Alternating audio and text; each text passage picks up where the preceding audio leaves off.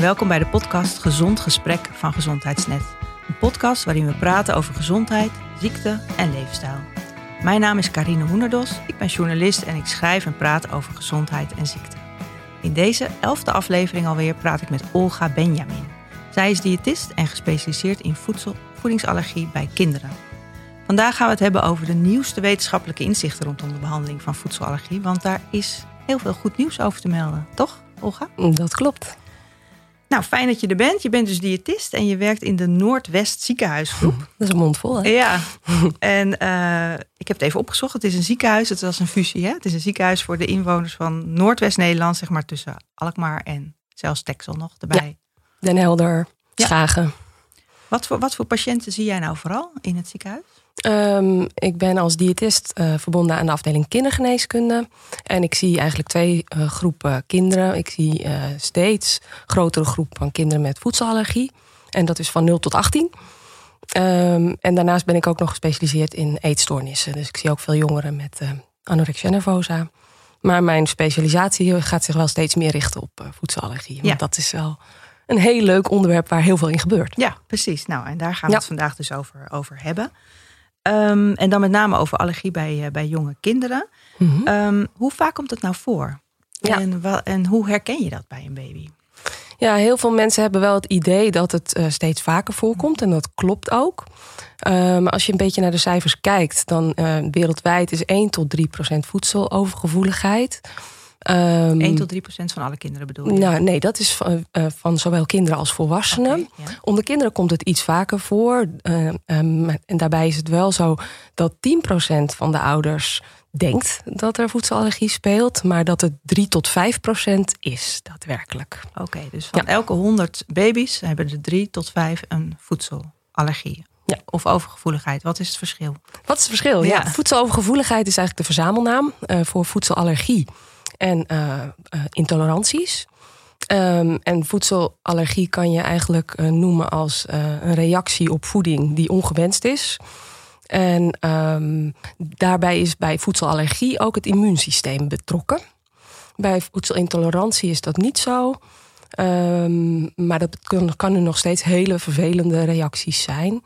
Uh, en dan is het ook nog een beetje lastig dat je de uh, voedselallergie nog wat kan uitsplitsen in niet-IgE-gemedieerde reacties en IgE-gemedieerde reacties. Oh god, Ga dit is echt een vakterm. IgE-gemedieerd, wat ja. is dat? En dat zijn IgE-gemedieerd. IgE-gemedieerd zijn directe reacties die vrij vlot plaatsvinden, meestal okay, al binnen dus twee uur. Dikke lip, traanogen, zwelling van het gelaat. Um, eczeem, maar dan echt direct eczeem. Oké, okay, dus echt meteen rood worden rood na het drinken ja. van wat melk? Of, uh... of echt galbulten. En dan okay. eerst in het gelaat en dan over het hele lichaam. Dit klinkt Acute best reacties, kan ook benauwdheid zijn. En dan wordt het al heel spannend. Ja. ja. Oké, okay, dus dat, dat is eigenlijk de meest ernstige vorm? Kan ja. ik dat zo zien? Ja, oké. En wat is dan niet IgE gemedieerd? Niet IgE gemedieerd zijn uh, latere reacties... die we steeds duidelijker uh, in ons vizier krijgen... Um, en ja, dat is nog op dit moment nog echt wel een vergaarbak van verschillende reacties. En als je dan kijkt naar uh, koemelk, waar, waarbij dat uh, aardig veel voorkomt onder jonge zuigelingen. Uh, dan heeft dat vaak met maag-darmkanaal te maken. Dus dan is er spugen. krampen, spugen, diarree. Oké. Okay. Dus dat is, en dan, dat kan ik me ook best wel voorstellen, dan gaat het al wat, dan zakt het al wat meer naar beneden. Dus ja. dan is het wat later de, de klachten. Ja, en die klachten die zijn dan tussen 1 en 6 uur na inname van de voeding. Oké, okay, dus je hebt zowel klachten die heel snel voorkomen, dat zijn dan die IgE-gemedieerde klachten. En klachten die wat later komen, dat zijn die niet IgE-gemedieerde Mm. klachten. En dan is er nog een grote groep en dat zijn wat meer de vagere klachten. Ja. Dat is dan die intolerantie. Dat zijn de intoleranties. Okay. En je zei van 1 op de 10 ouders denkt dat hun kind allergisch is. Waarom denken ze dat? Ja, ja, omdat ik denk dat dat um, ook wel een deels te maken heeft met um, hoe het in de media voorkomt. Mensen lezen erover. Um, het is ook een moeilijk diagnosticeerbaar soms. Omdat het uh, kinderen hebben als ze uh, net geboren zijn uh, klachten. En dat kunnen ook vrij algemene klachten zijn. Je bedoelt dat, ze huilen of ze ja, hebben darmkrampjes? Ze huilen of of... ze hebben krampjes. en dat kan ook gewoon van voorbijgaande aard zijn. En dan wordt er toch al heel snel teruggekeken van wat heeft mijn kindje gehad? Um, wat heb ik zelf gegeten? Als een moeder nog borstvoeding geeft. Ja. En ja, dat, dat zijn wel ingewikkelde dingen voor ouders, denk ik. Om daar goed te zien of het nou een voedselallergie is of niet. En voor ons als hulpverleners ook. En daarom doen we daar ook ja, diagnostiek en testen op als het nodig is. Dan worden die kindjes een dag opgenomen om te zien tijdens een provocatietest of de melk nou klachten geeft of niet. Oké, en wat is een provocatietest? Is dat ze het krijgen en dan, en dan gaan jullie kijken wat er gebeurt? Ja, dat is een, uh, dagopname die we dan dubbelblind doen. Dus ze komen twee keer een dag. En wij als zorgverleners weten ook niet wat de, de zuigeling op dat moment krijgt. En pas na afloop wordt er gekeken welke dag heeft het kind wel of geen melk gehad. Oh, okay. En dan uh, kun je op die manier ja, de beste beoordeling doen over de diagnose. Ja, dat is het meest zuiver dan. Ja. Ja, en dubbelblind betekent, jij weet het niet en het kind weet het vanzelfsprekend nee, ook niet. Maar de, ouders, ouders weten het ook niet. Oké, niemand weet, behalve dan, ik hoop wel één iemand uiteindelijk, ja. als het moet worden onthuld. Bij ons, mijn collega, ja. die maakt de sleutel, zoals we dat noemen. Ja. ja. En die wordt dan achteraf verbroken. Ja, oké. Ja. Goed. Dus dan uiteindelijk weet je dan van oké, mijn kind heeft echt een allergie of heeft echt een intolerantie. En um, nou is het natuurlijk zo dat het, dat is wel bekend, denk ik, dat het dan een dieet komt. Toch? Stel dat je kind allergisch is voor koemelk eiwit. Dat is volgens mij de meest voorkomende allergie bij zuigelingen. Ja. Um, wat doe je dan? Uh, dan uh, wordt er gestart met een uh, zuigelingenvoeding van geknipt eiwit. Uh, waarbij het, ja, het koemelk-eiwit in kleine stukjes is geknipt. Dus al voorbewerkt. En dan, hoeft, dan bevat die zuigelingenvoeding nog steeds melk. Maar is het zo voorbewerkt dat een kind het wel kan uh, verdragen. Okay. En in de meeste gevallen werkt dat prima. Ja. En dan zijn er wel een aantal verschillen in wat voor voedingen er zijn. En dan kun je ook nog wel nog een stapje verder in sommige gevallen. Maar dat is echt uh, maar zeldzaam heb je die voeding nodig waarbij het eiwit helemaal voorverteerd is. En, ja. Oké, en, en um, als de moeder nou nog borstvoeding geeft, wat doe je dan? Nou, in eerste instantie uh, is het niet aan te raden om dan zelf als moeder ook een dieet te volgen. Want eigenlijk is, het, uh, uh, is de moedermelk al een stukje voorbewerkt. En komen er dus geen hele koemelk-eiwitten via de moedermelk bij de zuigeling. Mm -hmm. Maar toch ervaren we wel dat sommige kinderen daar toch wat klachten op hebben. En dat kunnen sommige ouders gewoon feilloos aangeven. Ja. En dan ja, is het advies zeker om als moeder naar een diëtist te gaan om te zorgen dat je eigen voeding ook volwaardig is. En, en dan ook en dan zelf op een dieet, op een ja. koemelkvrij okay. dieet. Ja. ja. Goed. Uh, we zitten hier omdat er het een en ander is veranderd volgens mij ja. in, de, in de wetenschap. Hè. De, de wetenschap staat niet stil waarschijnlijk nee. ook omdat het, zo'n, uh, omdat het steeds meer toekomt. Misschien kunnen we, of steeds meer toeneemt. Misschien kunnen we het daar straks nog even over hebben hoe mm -hmm. dat nou kan. Ja, um, dat, ik wil daar wel wat over zeggen. Ja. Um, want eigenlijk is de hoeveelheid eh, voedselallergie alleen onder kinderen toegenomen uh, wereldwijd. En je ziet dat het onder volwassenen eigenlijk gelijk blijft. Maar dat juist bij uh, kinderen de, het aantal kinderen met voedselallergie verdubbeld is in de afgelopen twintig jaar. Dus Zo. Dat is wel een hele belangrijke ontwikkeling, waardoor er heel veel ja, onderzoek is gedaan van ja, hoe, waar ligt dat nou aan? En eigenlijk zijn we al wel vanaf 2008 zijn daar gedachten over om te zoeken van ja, waar komt het nou kant door? gaan die gedachten dan op? Ja, die uh... kant. Uh, we hebben het natuurlijk nu over melk gehad, maar ja. eigenlijk moeten we het misschien al um, een beetje over andere allergenen ja. gaan hebben. Um, er was uh, rond die tijd een, een, Britse arts uit Londen die zag dat er jonge zuigelingen waren in Israël waar maar heel weinig voedselallergie voorkomt, pindaallergie dan. En um, de Britse kinderen uit Israël in Londen, die uh, hadden wel een pindaallergie. En dat was uh, een behoorlijk groot verschil. 0,2% van de kinderen in Israël. en wel 2% okay, in tien Londen. keer zoveel. Tien in, keer zoveel, ja. ja. en de gedachte daarover dat was dat het te maken had met iets heel simpels genaamd chips. Oh. die had je niet verwacht. Nee, die had ik niet zien aankomen. Nee, chips nee. en allergie. Nou, ja. Oké, okay, vertel. Nou, er is een, een, een bijvoedingsproduct in Israël uh, en, en, dat heet uh, Bamba. En dat is een, eigenlijk een uh, klein chipje waar we van tegenwoordig ook wel in Nederland maischipjes hebben. En Uh, daar kunnen uh, zuigelingen op knabbelen als ze een beetje aan de bijvoeding toe zijn. Dat... Oké. Ja. het klinkt mij niet heel logisch in de oren om dan te beginnen met chips, maar oké. Ja, nou, het is een, een, echt iets om op te sabbelen en op te knabbelen. en uh, dat wordt al vanaf de leeftijd. Neem ik aan als gewone chip. Nou, de chipjes die in Israël worden gegeven zijn inderdaad toch nog aardig zout, hebben we na kunnen kijken. Maar waar het om gaat is eigenlijk dat die zuigelingen dus al heel vroeg in aanraking komen met pinda-eiwitten via het maagdarmkanaal. Want er zit pinda in die bamba? Er zit pinda in die oh, bamba. Ja, pindakaas en mais. En die uh, pindakaas die, uh, gaat via het maagdarmkanaal. En dat maagdarmkanaal dat, uh, herkent dat voedseleiwit. En als je dat voedseleiwit maar vroeg binnenkrijgt is de huidige gedachte nu, dan word je er tolerant voor. Oké, dus hier zien wij ineens een groot voordeel van chips uh, de hoek om. Uh, nou, laten we zeggen van pinda-eiwit, niet van chips. nee. Um, uh, en er is vooral gefocust op de groep kinderen met eczeem. Ja. Uh, want wat is, wat is de hypothese? Dat kinderen met eczeem, uh, die hebben een open huid. Uh, die huid is stuk. En ehm, als er via die kapotte huid al uh, allergenen in de huid komen, mhm. dan krijg je een, een andere situatie, namelijk uh, cutane sensibilisatie, zoals ze dat noemen. Dus via de huid krijg je al gevoeligheid voor uh, voedselallergenen. Ja. Oké, dus als er voedsel binnenkant binnen een stukken huid, ja. is dat natuurlijk een ander traject dan als het via de mond binnenkomt en via het maagdarmkanaal wordt verteerd en noem maar op. Precies, en je okay. maagdarmkanaal is veel toleranter voor voedseleiwitten. Die huid die kent uh, die eiwitten niet en die is ook nog eens ja, in stress uh, omdat er een eczeemprobleem ja. speelt. En uh, dan via de huid wordt er dus al een voedselallergie gestart ja. eigenlijk. Oké, en eh, nog even terug naar die kindertjes in Israël met eczeem.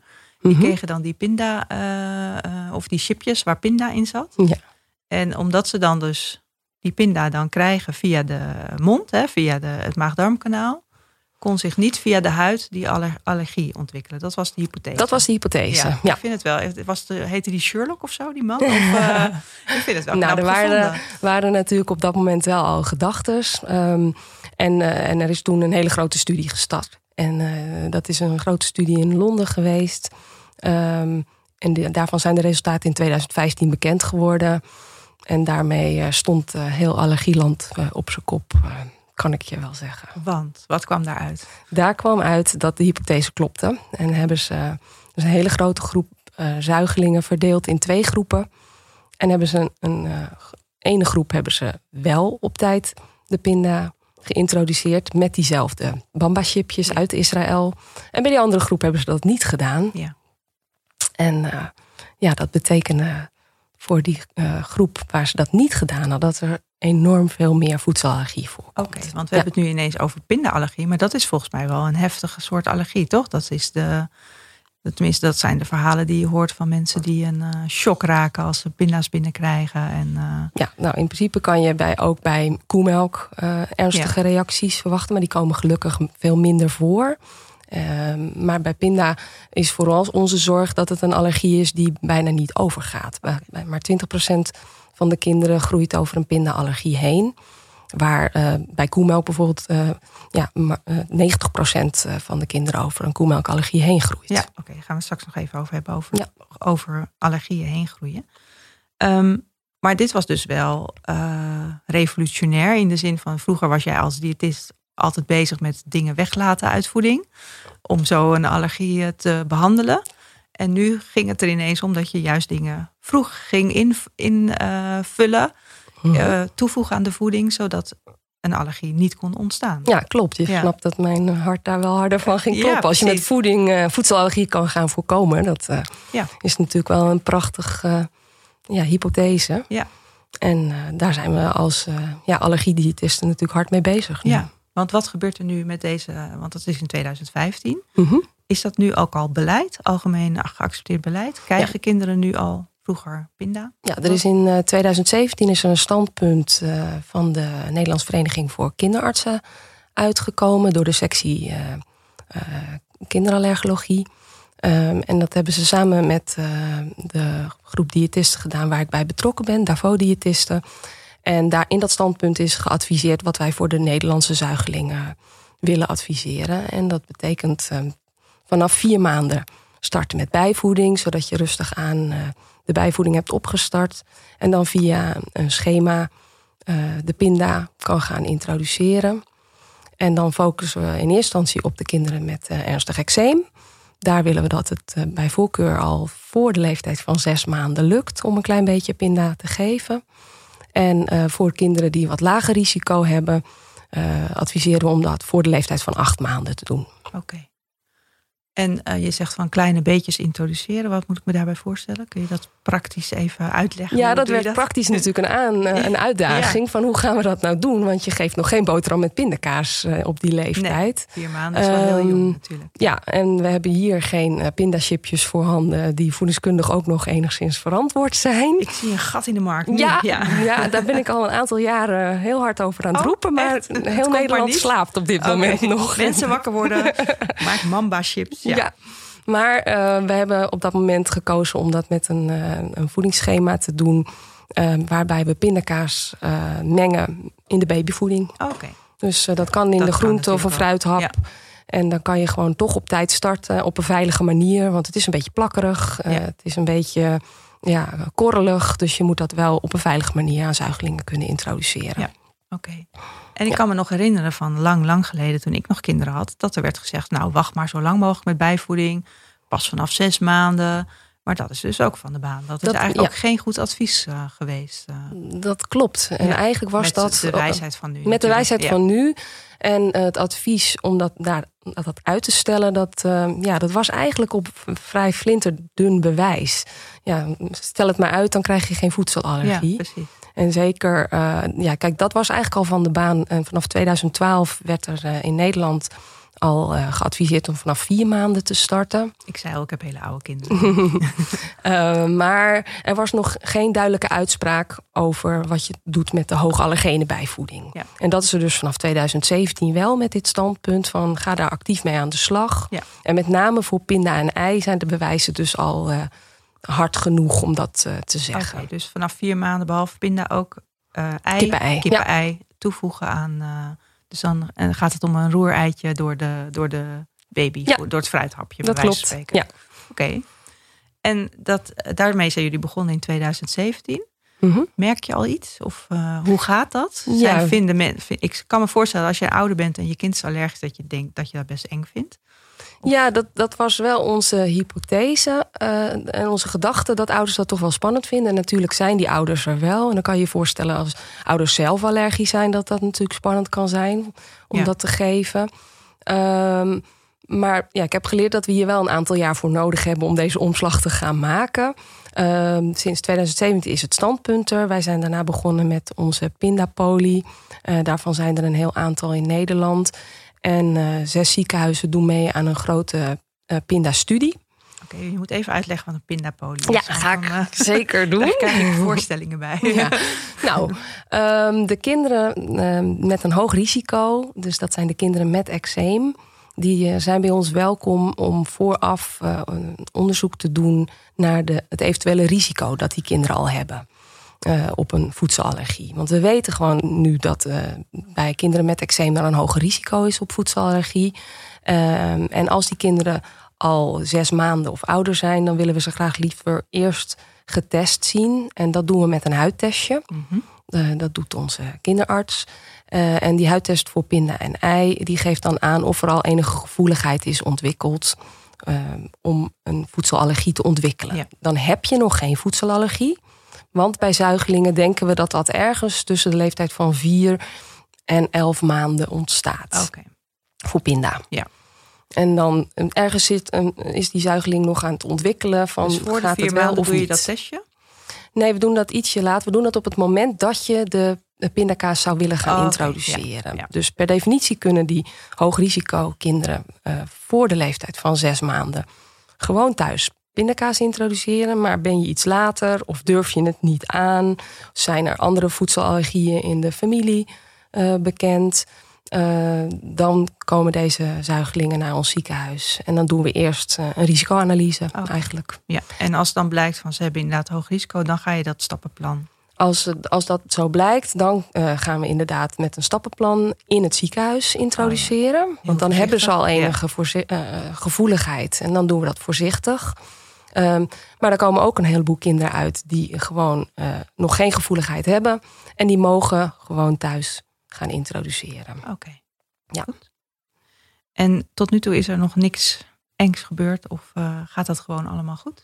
Nou, er zijn natuurlijk wel kinderen uh, die een reactie vertonen. In de meeste gevallen is dat geen heftige reactie. En omdat je zo'n voorzichtig schema gebruikt om te introduceren in twee dagen, mhm. Eh, kun je dat risico ook beperken. En uh, geef je ook goede instructies hoe dat te doen. Ja, ja. oké. Goed, dus, dus dit is het goede nieuws over allergie. Als je op, de, op, de, op vroeg genoeg begint met bepaalde allergenen introduceren, dan kun je op die manier een, een allergie voorkomen. Goed, dat is mooi. Dat is ook mhm. best wel baanbrekend, toch?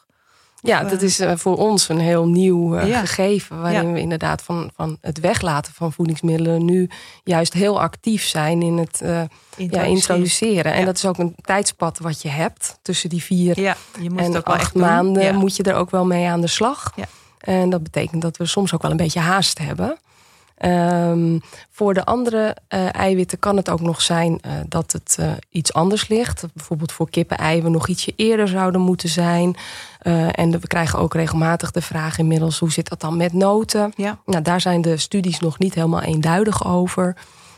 maar het ligt wel in de lijn dat, dat het ook voor de notenallergie zo geldt. Je zou verwachten dat dit voor alle grote allergenen... In, ik geloof dat het tien heel bekende allergenen zijn in de voeding dat daar de adviezen binnenkort voor gaan veranderen? Ja, er zijn, eh, we verwachten nu nog even niet een hele grote studie. Ik geloof dat de eerste studie over 1, 2 jaar pas eh, weer uitkomt. Uh, maar we zijn wel dus met die PINDA-studie in Nederland in zes ziekenhuizen uh, bezig om uh, voor Nederland data te krijgen van hoe werkt dat nu. Ja. En daar verwachten we wel ja, binnenkort de eerste resultaten van. Oké, doe jij daar zelf ook aan mee? ja, wij doen daar in het Noordwest ziekenhuisgroep ook aan mee. Ja. En hoeveel kinderen zijn er? Bij er zijn uh, inmiddels al um, zo rond de 600 kinderen geïncludeerd in de studie. Ja. En dat is een anonieme studie waarbij de kinderen, um, nou eigenlijk alle gegevens van de kinderen worden genoteerd van wanneer uh, is het eczeem begonnen en wanneer uh, is er gestart met de introductie van Pinda. En uh, dan is er nog een heel belangrijk ander deel voor ons als diëtisten. Als je eenmaal begonnen bent, is het allerbelangrijkste dat je het ook volhoudt. Ja. Want het is uh, niet goed om dan toch weer te gaan stoppen. Want dan kan je alsnog een pindaallergie gaan ontwikkelen. Ja. Dus maar dat wordt natuurlijk wel steeds makkelijker. Naarmate een kind ouder wordt, is bijvoeding. Dan kan je uiteindelijk wel die boterham met pindakaas geven. Ja, we denken ook als je daar vroeg mee start. Als je dan op een gegeven moment gewend bent om dat te geven. Dan is het kind ook aan de smaak gewend. Ja. En dan uh, blijft het uh, wel ja, in de voeding van het kind betrokken. Ja. Daarna zijn er ook wel een aantal kinderen die het niet lekker vinden. En dan wordt het nog een aardige uitdaging, kan ik je vertellen. Om toch te zorgen dat je het binnenkrijgt. Ja. Maar ja, daarom dus eh, de, de grote oproep. we, hebben, we hebben gewoon een babychipje nodig voor zuigelingen met pindakaas erin. Oké, nou. Um, we, ja, nou, laten we daar eens uh, naar gaan kijken. Misschien kunnen we dat gaan ontwikkelen met deze podcast. Gewoon als nieuwe, uh, nieuw idee. Nou, we weten dat er wel een aantal uh, start-ups bezig zijn op dit moment. Oh, dus we hopen ook wel uh, dat. dat ik roep al een paar jaar, dit jaar gaat het gebeuren, maar 2020 moet het, wat mij betreft, toch wel gaan worden. Ja, oké, goed. Um, stel nu dat je dit, dit verhaal hoort en je bent vader of moeder van een jong kind met bijvoorbeeld koemelkallergie en eczeem. Hè? Mm -hmm. Niet heel zeldzaam. Um, en je denkt, oh, maar wacht eens even, ik, moet hier, ik heb hier nog niet van gehoord. Wat moet je dan doen? Nou, ik zou het um, op het consultatiebureau bij de jeugdarts bespreken. Als het goed is, uh, zijn die inmiddels ook allemaal uh, geschoold. Uh, dat hebben we als diëtisten van Davos ook gedaan in onze eigen regio's. En er zijn ook heel veel kinderartsen bij betrokken.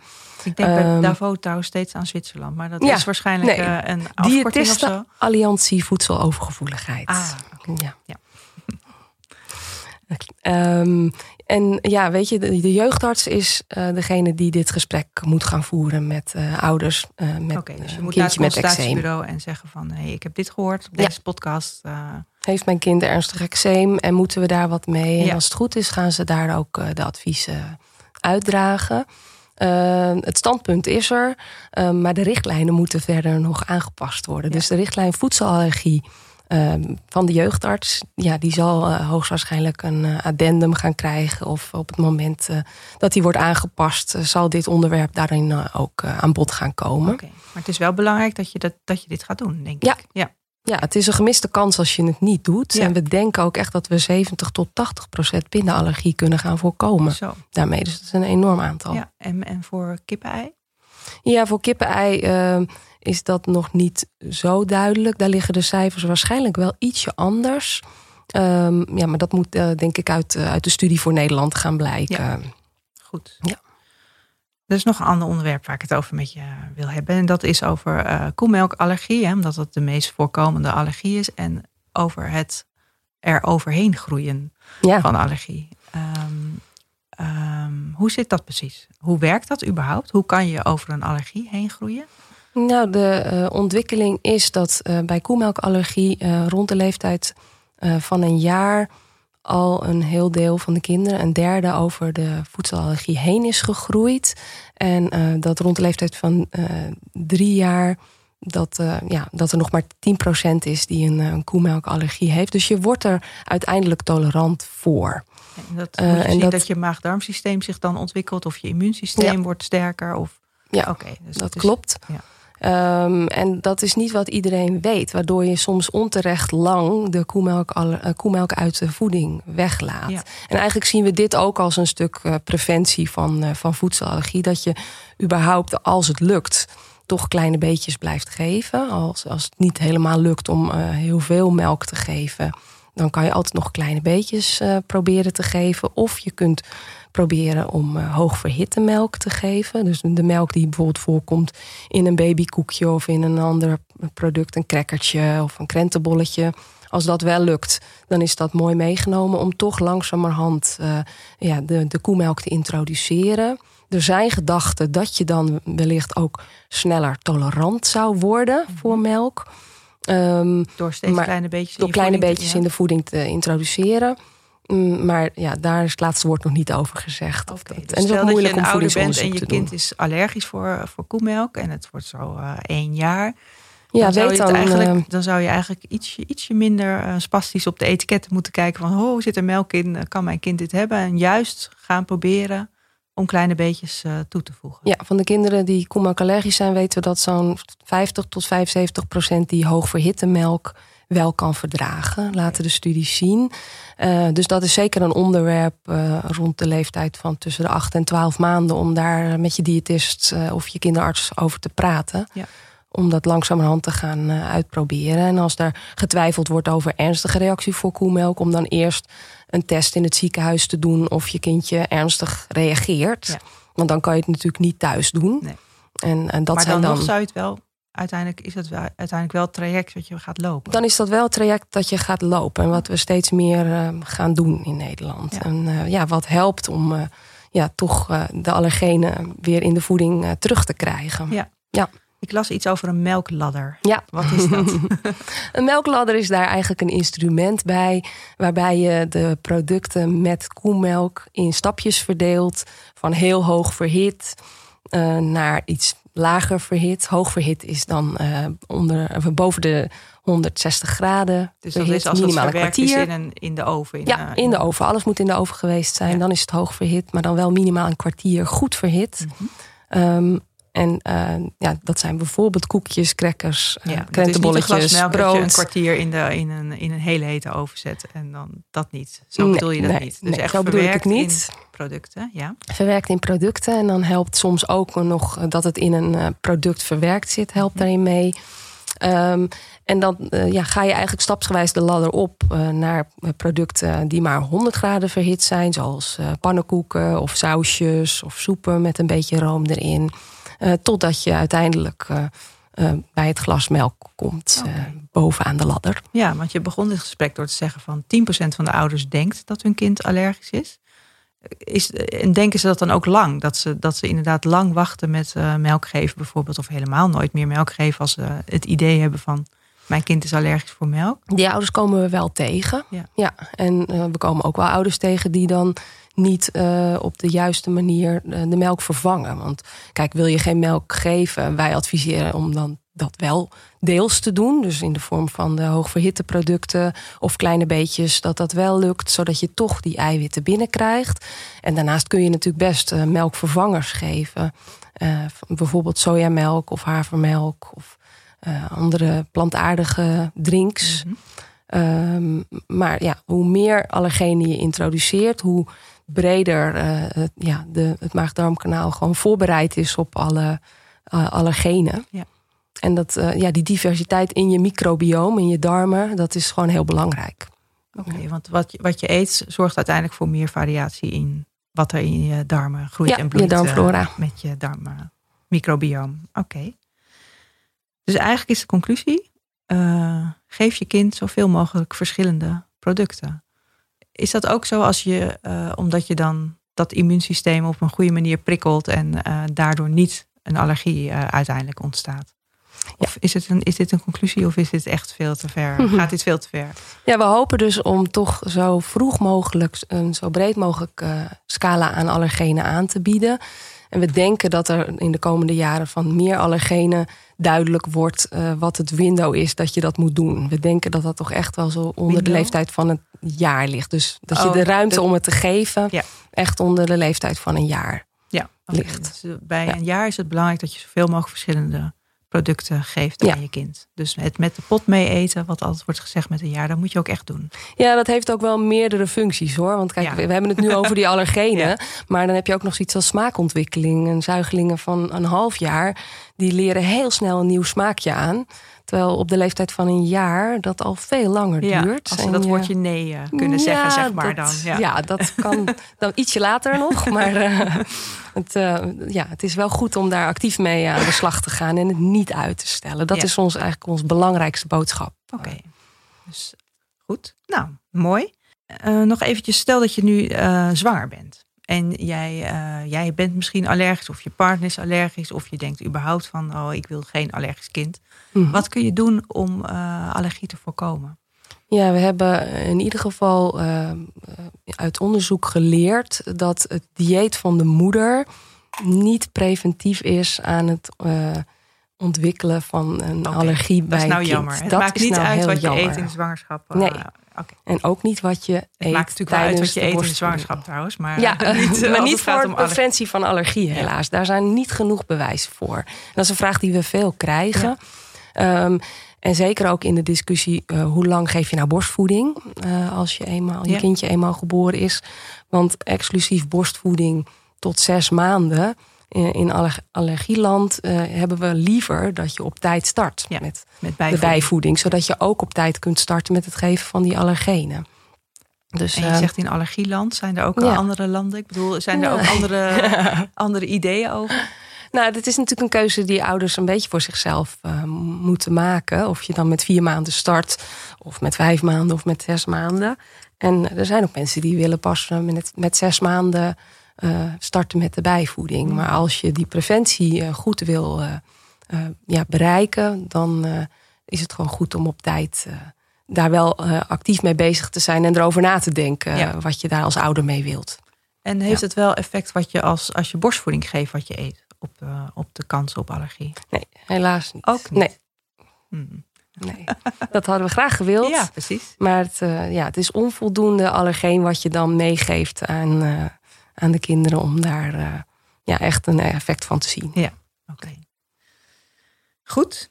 Um, jij hebt ook een lijstje met onderwerpen. Ja. Zijn er nog dingen die, waarvan jij zegt, nou, dat wil ik al heel graag bespreken? Nou, ik denk dat ik het meestal heb genoemd. Is je werk veranderd sinds deze mijn richtlijn? Werk, mijn werk is wel echt leuker geworden uh, hierdoor. Omdat je niet dingen hoeft weg te laten ja. als diëtist. Maar vooral mag gaan toevoegen en gaan introduceren. Ik heb ook een heleboel over eczeem geleerd. En ik heb, ja, ja dat, dat, zijn natuurlijk ook leuke onderwerpen. En het, het is um, um, ja, wel veranderd naar een positievere insteek eh, bij voedselallergie. Uh, omdat we ja, er heel anders tegenaan zijn gaan kijken. Ja, en je bent ook minder bezig met behandeling, maar ook veel meer met preventie. Als je zegt dat je door de juiste voeding of door de juiste introductie 80% van een pindaallergie kan voorkomen, bijvoorbeeld. Ja, dat is natuurlijk een heel positieve boodschap die we brengen met elkaar. Ja. En uh, ja, dat, uh, je merkt ook dat je een hele gemotiveerde groep uh, patiënten voor je hebt. Ja. En de ouders die willen er alles aan doen om, om dat te voorkomen. Ja, dat snap ik. En, en dat snappen wij zeker. Ja. Um, volgens mij hebben we zo'n beetje alle onderwerpen gehad. Of mis jij nog iets, of heeft ze nog iets waar je iets over wil vertellen over allergie? Mm, nou, wat belangrijk is om te weten, is de rol van eczeem die dus heel groot is. Vroeger dachten we dat uh, eczeem een uiting was van voedselallergie. Ja. Maar het is dus andersom. Eerst heb je eczeem en daardoor krijg je een voedselallergie. Doordat die uh, spulletjes via de huid naar binnen komen en niet via de, het maagdarmkanaal. Ja, dat klopt. Dus het maagdarmkanaal is belangrijk om op tijd allergenen te introduceren. En daarnaast is het behandelen van het eczeem ook heel belangrijk. Dat er dus goed gesmeerd wordt met de juiste zalven. Niet alleen met vetzalf, maar als het nodig is ook met hormooncrème. Wat sommige ouders ook heel spannend vinden om te geven. Ehm, maar je moet die huid echt goed behandelen om een voedselallergie te kunnen voorkomen. Dus het helpt ons ook om ouders uit te leggen dat smeerbeleid en goed smeren van de huid uh, ja, voedselallergie ook kan voorkomen. Oké, dus goed smeren betekent niet al te zuinig, neem ik aan. Nee, en, nou, uh, en, en, want daardoor zorg je ervoor dat de huid uh, een barrière eigenlijk weer tegen. dicht wordt tegen die, al die, voor al die allergenen. Ja. Nou, als het goed is, krijgen ouders met een kindje met eczeem daar goede uitleg van eczeemverpleegkundige of een dermatoloog over hoeveel ze dan moeten smeren. Ja. Um, en daarmee kunnen ze prima hun kind uh, behandelen. En dat betekent vaak meerdere keren per dag vette zalf smeren. En uh, zo nodig uh, de hormooncrème smeren. Ja. Ja. Oké, dus behalve vroege introductie is het ook belangrijk om die huid goed te verzorgen als je kindje eczeem heeft. Want ook dat kan uiteindelijk allergie helpen voorkomen. Klopt. Mooi. Heel mooi. Oké, okay. mm. dankjewel voor al deze nieuwe informatie over allergie. Um, je luisterde naar Gezond Gesprek, een podcast van Gezondheidsnet, gepresenteerd door Karine Hoenedos met producer Jonne Seriese. De tune is van de onvolprezen De Yearlings. Kijk voor meer informatie over voedselallergie op www.gezondheidsnet.nl. Wil je reageren op deze uitzending? Via Twitter zijn we te bereiken. Via Van Carine en Gezond Nieuws. Abonneer je vooral ook op iTunes en dat vinden we echt heel leuk. Laat een review achter, zodat andere mensen de podcast Gezond Verstand ook kunnen vinden.